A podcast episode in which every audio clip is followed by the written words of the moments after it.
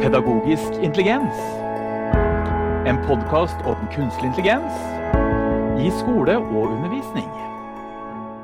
Hei på deg, og hjertelig velkommen til podkasten Pedagogisk intelligens, sesong to og program eller episode nummer 20. Jeg heter Magnus Nord, og med meg har jeg med meg Eva Bratvold. Som vanlig. I dag skal vi snakke om hva skjedde med kunstig intelligens mens du lå på stranda i sommer. Og har du noen gang følt på den følelsen at uh, du står på perrongen, og så kjører teknologitoget ifra deg? Jeg har vel hatt det et par ganger. Jeg husker første gangen, det var på 80-tallet. Da holdt jeg på å henge igjen altfor lenge på operativsystemet MS-DOS når Windows 3.11 kom.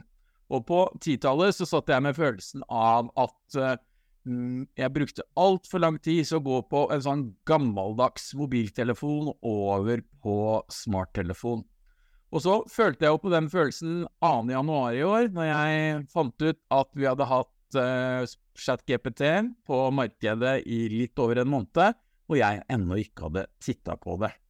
Og, og, det vi gjorde da, for å gjøre dette mer forståelig for oss selv og andre, det første jeg og Eva gjorde, det var at vi oppretta denne Facebook-gruppa som heter ChatGPT Norge, som snart har 8000 lærere som medlem. Så hvis du ikke er medlem der, så er det et fint sted å holde seg oppdatert. Og så er jo selvfølgelig podkasten vår, da, eh, Pedagogisk intelligens, det er forhåpentligvis en arena der du kan få oppdatert informasjon. Og Eva og jeg, vi lærer masse av å snakke med spennende mennesker som har kompetanse, og da tar vi sammen og bygger kunnskapen. Så laget jeg og Eva en del pensum på studiet vårt pedagogisk bruk av IKT eh, i vårsemesteret i år. Og det eneste vi er sikre på det, Eva, det er vel at vi rett og slett må lage alt på nytt igjen når vi kommer til neste år. Ja, her skjer utviklinga så fort, Magnus, at uh, her kan vi ikke hvile på laurbærene. Uh, her er det bare å henge med i svingene eller kaste seg på toget, som uh, du snakka om først her. Så lite grann status ved høstens høst, skolestart 2023.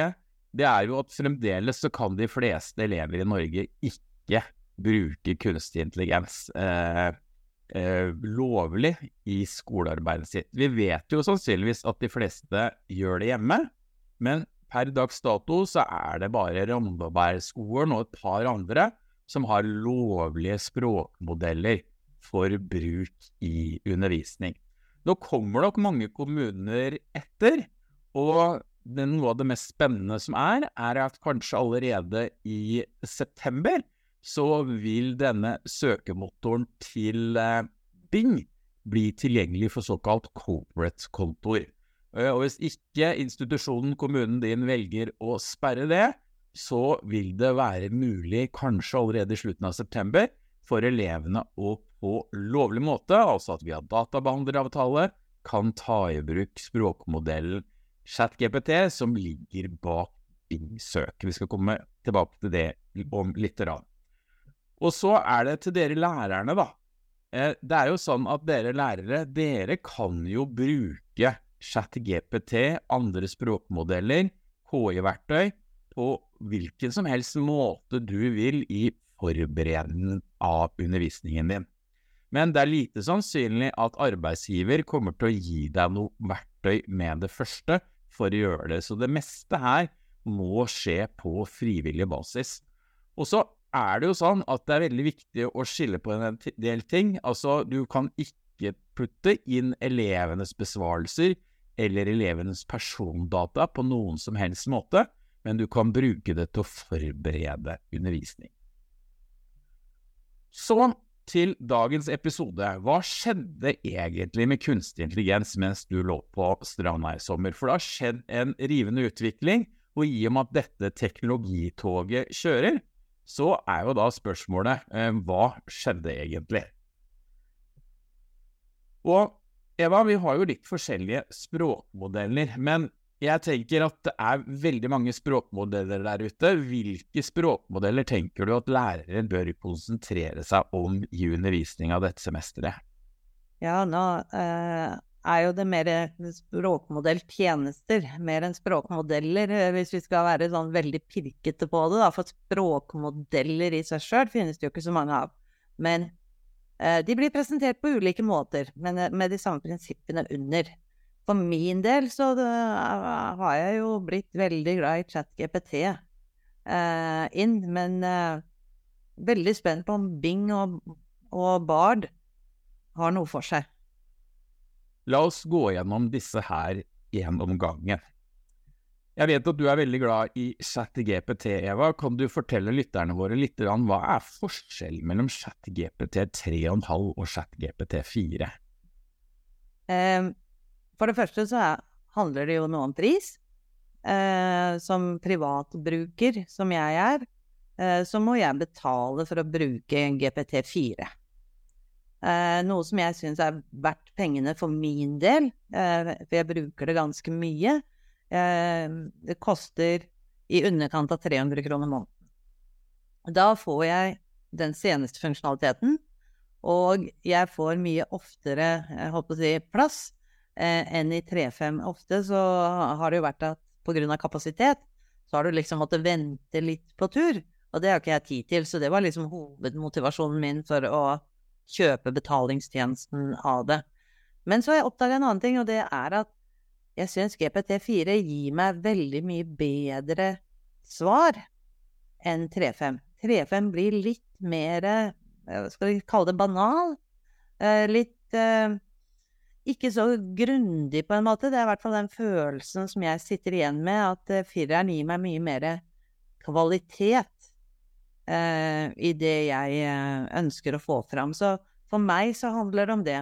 Og nå er det riktignok sånn at til å begynne med så sa man det at GPT4 Når du betalte for det, så skulle du ha tilgang hele tida.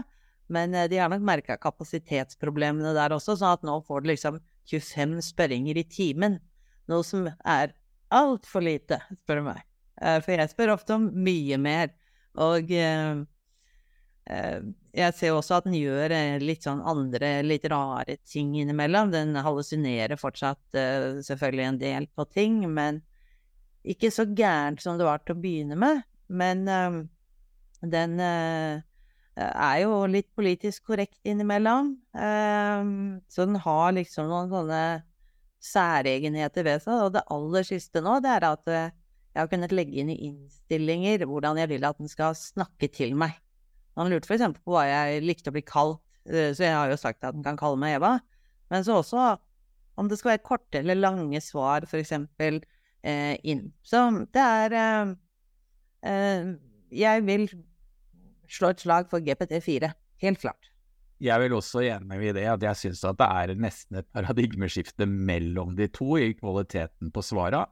Eh, men det er jo betenkelig at ikke arbeidsgiver leverer sånn type verktøy til de ansatte, så det er jo en vurdering du må ta selv. Og så er det sånn at ChatGPT 3,5 den er jo mye raskere, Eva, er den ikke det? Jo da. jo da, den er mye raskere, men jeg, som sagt, jeg syns at kvaliteten på svaret er dårligere. Eh, så jeg tipper at eh, det er der sammenhengen ligger. En annen spennende ting som har kommet nå for ChatGPT4, er at nå blomstrer de tusen blomster. Dvs. Si at veldig mange nye verktøy kommer til, men de har ikke språkmodellen selv.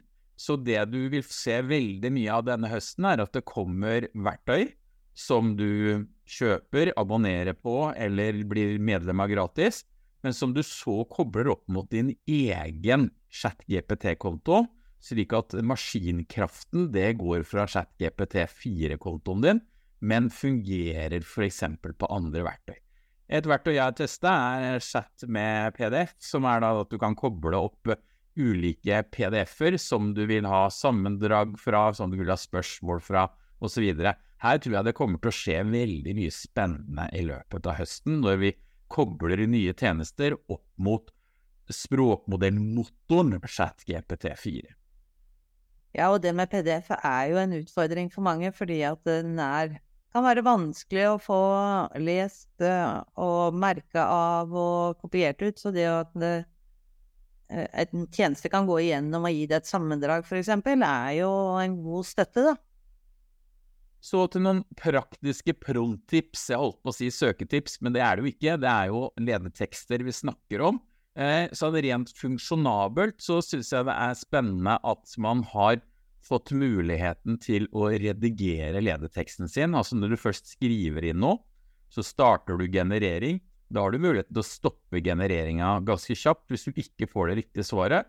Da er jo det jeg gjorde tidligere, var jo å lime inn hele spørsmålet på nytt igjen. Nå kan du trykke på en sånn redigeringspenn, og så kan du gjøre om spørsmålet ditt. Og så, når du genererer svar på nytt igjen, så syns jeg også det er spennende i at du har fått versjonshåndtering. Så hvis du ber kan du komme med flere forslag, kan du komme med flere forslag, så får du en sånn bladfunksjonalitet borte til venstre på skjermen, der du kan bla mellom de forskjellige svara som ChatGPT ga deg.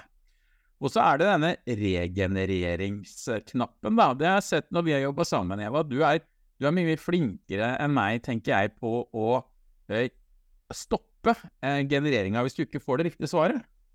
Ja, eh, fordi at eh, noe av det som eh, jeg har erfart eh, med jobbinga med spesielt ChatGPT så langt, det er jo at det å lage gode og og litt komplekse ledetekster, eh, som jeg ofte eh, har behov for. Eh, der er det mye feeling.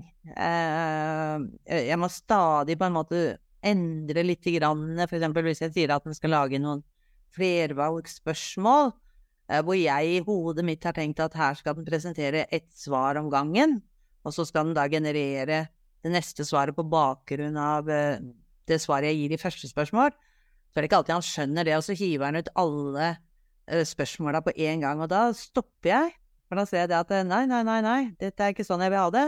Og så blir det å gå på å endre teksten og så si sånn veldig tydelig Still ett spørsmål om gangen, og vent til jeg har svart, før du stiller neste spørsmål. Og så kan vi prøve på igjen, da. Så det blir mye sånn, uh, som jeg sier, feeling fram og tilbake. og, og tidvis litt frustrerende at, eh, at den faktisk eh, er såpass dum som jeg føler det, da. Selv om eh, det er vel mer sannsynlig at det er kanskje jeg som ikke er nøyaktig nok når jeg skriver ledeteksten. Men jeg velger å se det på, på min måte. Ja. Så over til konkurrenten, holdt jeg på å si, Bing, men det stemmer jo ikke i det hele tatt. For Bing den har jo ChatGPT som motor under panseret. Og det første jeg tenkte vi skulle snakke om, det er jo at Bing er jo koblet til internett. Det var den sånn sett også før sommeren. Eh, og det du kanskje også fikk med deg før sommeren, er at Bing har tre samtalemoduser. Eh, det ene er jo presis. Eh, det er jo at man ikke skal hallusinere, at han skal holde seg til virkeligheten. Eh, så har du en som heter balansert, som både skal være litt kreativ, men som skal holde seg til virkeligheten. Og så har du kreativ. Jeg må si Eva, at jeg tenkte i utgangspunktet når jeg leste om dette her, at endelig er vi kvitt hallusineringa. Alle lærere kommer til å bruke denne presis-chat-modusen.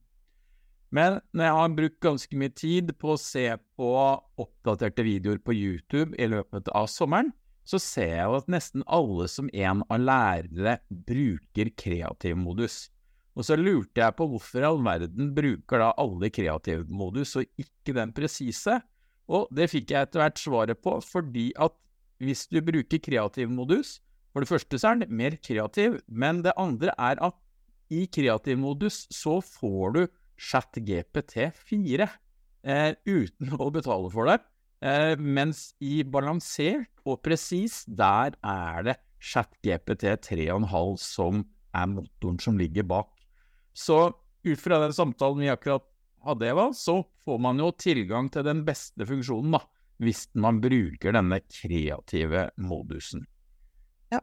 Og og her er det jo også litt sånn at eh, hvis ikke du vil bruke Bing, men vil bruke ChatGPT til noe av eh, det samme, så kan du jo også definere inn der i ledeteksten din hvordan du ønsker at den skal være. Og også sånn i innstillingen å si det at jeg ønsker at du skal f.eks. være kreativ, da, i Eller humori, ja, humoristisk er den jo fortsatt veldig dårlig på, det, det må sies. Så det, Det er ikke noe poeng å be om å være det. Noe jeg liker i selve søke- snakke ledetekstruta i Bing, er at du kan nå snakke inn med stemmestyrt skriving beskjedene til språkmodellen. Eh, og så eh, er det jo sånn at eh, har, vi har fått en ny funksjon inn i løpet av sommeren. Og det er at man kan bruke multimedialt innhold i kommunikasjonen med Bing. Det vil si at du kan laste opp et bilde som du kombinerer med en ledetekst, eller hvis du bruker appen til Bing, som er gratis, så kan du ta bilde av f.eks. en blomst, og så får du vite hvilken blomst dette er, og informasjon om denne blomsten. Men så er det som sagt sånn da, at per dags dato, eh, i august 2023, når denne podkasten ble spilt inn, så må du fremdeles ha en privat Microsoft-konto for at du skal kunne bruke chat-funksjonen i Bing. Men vi håper og tror og har fått sterke signaler fra Microsoft er at i løpet av september så bør corporate innlogging også komme for Bing, slik at elever og lærere får tilgang til Bing på lovlig måte, så sant ikke institusjonen kommunen velger å deaktivere denne funksjonen. Og, her ligger det jo spennende muligheter, for at Eva, i ChatGPT så sier man at den har lagd multimedial støtte i versjon 4.0, men vi har ikke sett så mye eksempler på det ennå. Nei, jeg kan ikke se det at uh, vi har hatt noen eksempler på det. Nå, dette her med bildegjenkjenning, det kjenner vi jo fra enkelte andre apper som uh, uh, vi har uh, testa ut tidligere.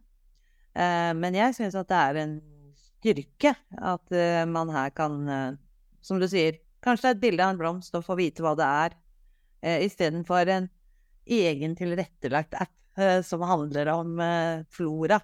Uh, Eh, så jeg tenker at her eh, kan det styrke mye. Men jeg tipper at vi snart ser det i ChatGPT også. Rent praktisk så må du være i kreativ modus i Bing for at dette skal fungere. Og så har du muligheten i ledetekstruta å gå bort til høyre, og der kan du trykke på et kamera. Enten for å laste opp et bilde eller ta et bilde der og da. Så har vi også fått Dal i2 inn i eh, Bing. Så nå kan du generere bilder ved hjelp av Bing. Jeg skal vel innrømme at det er litt forskjell på kvaliteten som kommer ut. Av og til så har figuren tre armer, og, og øynene ser av og til litt rare ut, så her er det ofte at jeg må be om å regenerere. Jeg har f.eks. spurt om å lage læreren som en uh, supermann foran klassen, som klassen ser beundrende opp på læreren. Uh, og jeg må innrømme at det er litt bias, da, for det jeg fikk opp da, det var bare mannlige lærere. Så hvis jeg ville ha lærerinner, så måtte jeg faktisk skrive det. Så for å få til denne bildesøket, så må du igjen være i kreativ søkemodus i Bing og så må du si 'lag et bilde av'. Eh, det jeg syns er litt problematisk her, det er at man har en veldig tendens til å bare ville lage kvadratiske bilder, eh, selv om jeg prøver å få den til å lage i andre former. Eh, og så er det i og for seg ganske enkelt at når du har Du får alltid generert fire og fire bilder på en prompt ledetekst du skriver inn. Eh, og så kan du be om hele tiden nye. Og hvis du vil bruke noen av disse bildene, så klikker du på et av bildene, og da vil du få de opp større og få muligheten til å laste de ned. Og, du vil få et lite ikon nede i venstre hjørne på bildet ditt, som er Bing-ikonet, som demonstrerer at dette bildet er lagd med Bing og kunstig intelligens. Men det er også denne tjenesten fra OpenAI som heter DAL I2, som er bildegenereringsverktøyet i dette tilfellet. Jeg tror jo det at uh, dette med bilder, Magnus, um, det kommer vi til å se veldig mye mer av. Og vi har jo sett noen stygge eksempler i den seinere tida hvor bilder som har blitt lagt ut på profilen din på Instagram f.eks., har blitt manipulert til å vise deg naken. Det var jo en sak bare her forrige dagen uh, med en influenser som hadde opplevd akkurat det her. Og vi har jo sett avatarer, eh, kunstige mennesker, som plutselig reiser rundt i verden og opplever spennende ting, som bare er generert med kunstig intelligens. Og da snakker vi om et helt annet lag enn eh, hva Bing kan produsere av bilder her. Eh, og jeg tenker jo også at det er en ganske stor forskjell fra DAL E2 til Midjourney, for eksempel. Men det som jeg har opplevd i Midjourney, er jo også det at det er komplekst å skrive gode ledetekster hvor den forstår. Og som du sier, plutselig så dukker øret opp midt i ansiktet, eller den har fått tre armer, eller eh, det er et eller annet annet galt. Så Men dette skjer veldig, veldig fort. Det som jeg hadde lyst til å kommentere med bildene dine, for jeg så det at du hadde skrevet at det skulle uh, være i et høyteknologisk klasserom. Og når du ser nærmere på det bildet som du har på neste slide her, uh, så må jeg jo si at i bildet til både høyre og venstre, så, så syns jeg nok at det høyteknologiske kanskje ikke er så framtredende, i hvert fall. For dere som bare hører på lydversjonen av denne podkasten, så er det sånn at vår podkast kommer både på lyd og på videoversjonen ute på YouTube. Så når Eva refererte sliden, så er det fordi vi har en powerpoint-støtte i bakgrunnen. Jeg må også si at jeg er enig med deg, Emma, at jeg syns at Midjourney er mye bedre på å generere bilder. Eh, men også Midjourney er jo en betalingstjeneste som du betaler 200-300 kroner i måneden for. Og så syns jeg det er et veldig uvant og dårlig brukergrensesnitt å bruke. Ja, eh. det er jeg helt enig med deg i, Magnus. Det er et forferdelig brukergrensesnitt. Og Eh, jeg syns det eh, har vært komplisert, og bare det å finne igjen mine egne forslag eh, inn der. Så Men jeg tipper at på samme måte som du snakka om DOS eh, tidligere i sendinga, eh, så og over i det brukergrensesnittet vi har i dag. Jeg husker jo også den tiden hvor vi skrev inn ledetekster for å få gjort ting. Eller da vi måtte formatere tekst eh, i løpende tekst før vi skrev det ut på printeren. Eh, til i dag hvor det er veldig innlysende og veldig opplagt og veldig enkelt å ta i bruk. Det vil vi oppleve her på, på bilder òg, tror jeg. Jeg tror vi rett og slett skal ta en egen episode om ikke veldig lenge, der vi går gjennom eh, bildeproduksjon gjennom KI-verktøy. Det siste språkmodellen jeg tenkte vi skulle snakke om i dag, det er jo Google Bard. For midt i juli så ble Google Bard introdusert også for Norge. Men Eva, Google Bard den bruker ikke OpenAI som eh, motor for KI-en i språkmodellen i bakgrunnen. Nei, de uh, har laget seg sin egen variant. Og det som er likt med Bing, da, det er at Google sin uh, Bard den er koblet opp til internett. Så der kan du få oppdatert informasjon. Jeg som dyslektiker syns jo det er kjempemessig at jeg får lov til, som på Bing her, å snakke inn kommunikasjonen min med ledeteksten Eh, men jeg får også mulighet til å trykke på en høyttaler etter teksten er generert, og så leser Google Bard opp teksten for meg. Det er noe som jeg setter veldig pris på. Jeg syns også det er veldig fint at de har sånn som i ChatGPT, at du kan trykke på en penn oppe til høyre etter du har skrevet inn en ledetekst, og så kan du gjøre om ledeteksten. Og så ser jeg at de har kopiert eh, brukergrensesnittet fra ChatGPT med å lagre chatten eh, borte til venstre. Og jeg ser jo, Eva, at du er ofte at du går inn og går tilbake i, i ledetekster du har skrevet tidligere, og jobber videre med de. Ja, og det er en enorm fordel, fordi når jeg sitter og skal eh, produsere ulike typer ting, og lager og knar på disse ledetekstene til jeg får det jeg ønsker å ha. Eh, så hadde det jo vært liksom dumt å, at jeg ble borte igjen, og så skal jeg gjøre det samme om igjen. Så derfor så lager jeg mange. Og, og så er det jo det at dette her er samtaler. Så at hvis jeg f.eks. har laget en veldig god ledetekst til noe som på en måte får ut det jeg ønsker, da, så kan jeg gå tilbake i den samtalen og, og, få, og fortsette samtalen der. Eh, så derfor så liker jeg å, å spare på mange av de. Det som er litt forskjellig i Google Bard uh, i forhold til det vi er vant med fra FatGPT og Bing, det er at han alltid genererer tre utkast om gangen. Så du kan trykke på se andre utkast, og så får du generert tre utkast som du kan bytte mellom. Og hvis du ikke er fornøyd med de tre, så kan du trykke på regenerer, og så får du tre nye utkast. Det var eh, språkmodellene våre, og vi tror at dere som lærere eh, er best tjent med å titte på ChatGPT, Bing og Bard nå i starten av høstsemesteret 2023. Det finnes selvfølgelig veldig, veldig mye andre eh, språkmodeller der ute, og det vil komme stadig flere. Mange lærere sitter vel nå og tenker at her går utviklingen utrolig fort. Eh, og det vi vel kan si, er ikke så veldig trøstende ord, for det vi kan si at her kommer utviklingen til å gå enda fortere, før den eventuelt begynner å gå saktere. Og da tilbake til togmetaforen din, Magnus, så er det kanskje litt dumt hvis du skal komme deg et sted, at du blir stående igjen på perrongen mens ekspresstoget suser forbi, og du lurer på hva var det som skjedde nå? Det får bli dagens siste ord fra denne podkasten. Ha en riktig fin uke.